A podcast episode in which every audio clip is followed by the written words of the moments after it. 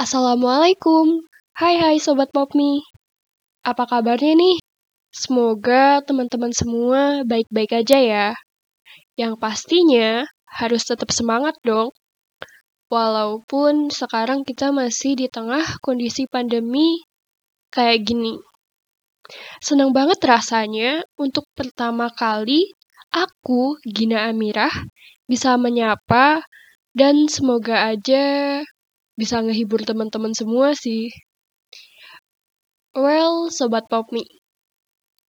Popmi balik lagi nih untuk nemenin teman-teman semua kapan pun dan di mana pun kalian berada. Oh iya, sebelum ngebahas podcastnya, teman-teman ada yang kangen gak sih sama sekolah offline? Dan sama event-event yang diadain di sekolah pastinya.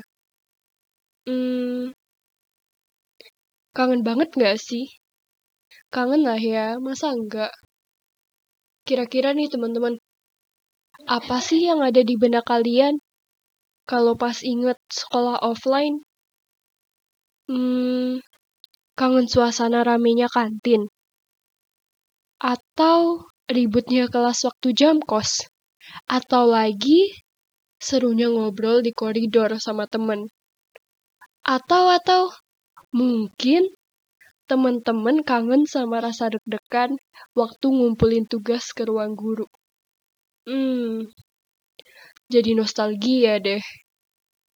Semoga aja semua rasa rindu kalian sama sekolah bisa terbayar lewat podcast kami ya. Dan nantinya semoga podcast kami bisa menghibur teman-teman semua dalam mengisi kegabutan di rumah selama PJJ dengan konten-konten yang menarik dan juga informatif. Anyway, pada podcast kali ini kita bakal bahas tentang menuntut ilmu di MUHI sebagai anak rantau. Sobat Popmi tahu nggak sih? Kalau MUHI itu terkenal dengan siswanya yang berasal dari seluruh penjuru Indonesia. Bahkan ya, hampir dari Sabang sampai Merauke itu ada semua loh di MUHI. Keren banget nggak sih?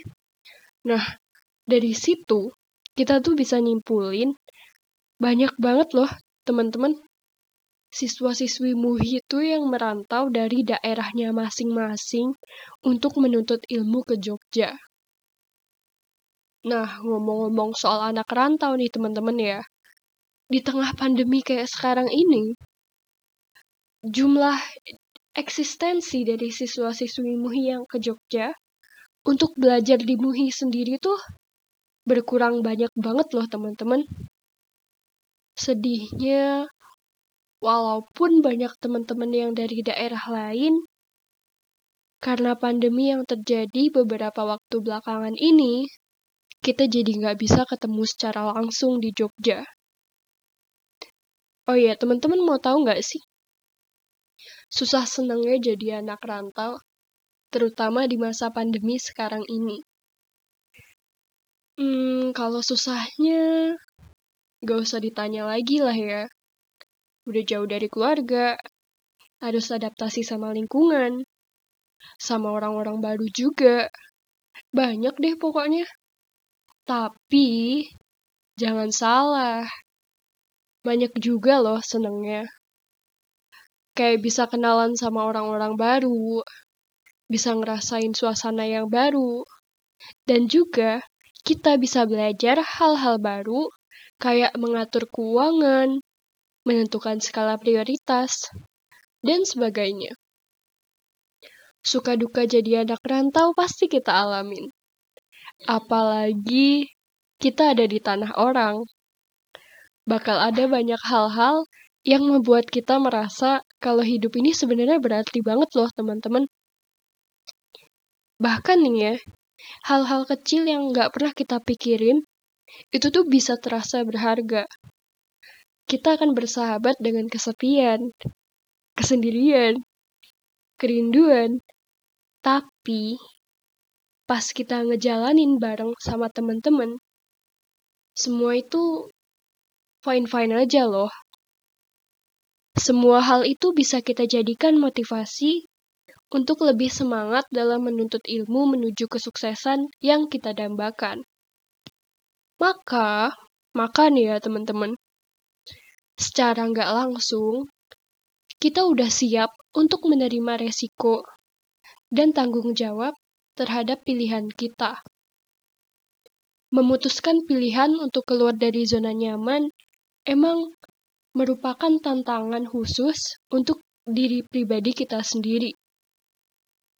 Tapi, hidup di perantauan mengajarkan kita arti sesungguhnya bahwa hidup ini butuh tekad dan semangat yang kuat. Sekian dari aku. Makasih ya udah dengerin podcast ini sampai akhir. Sampai ketemu di podcast berikutnya. Wassalamualaikum. Makasih teman-teman. Bye-bye.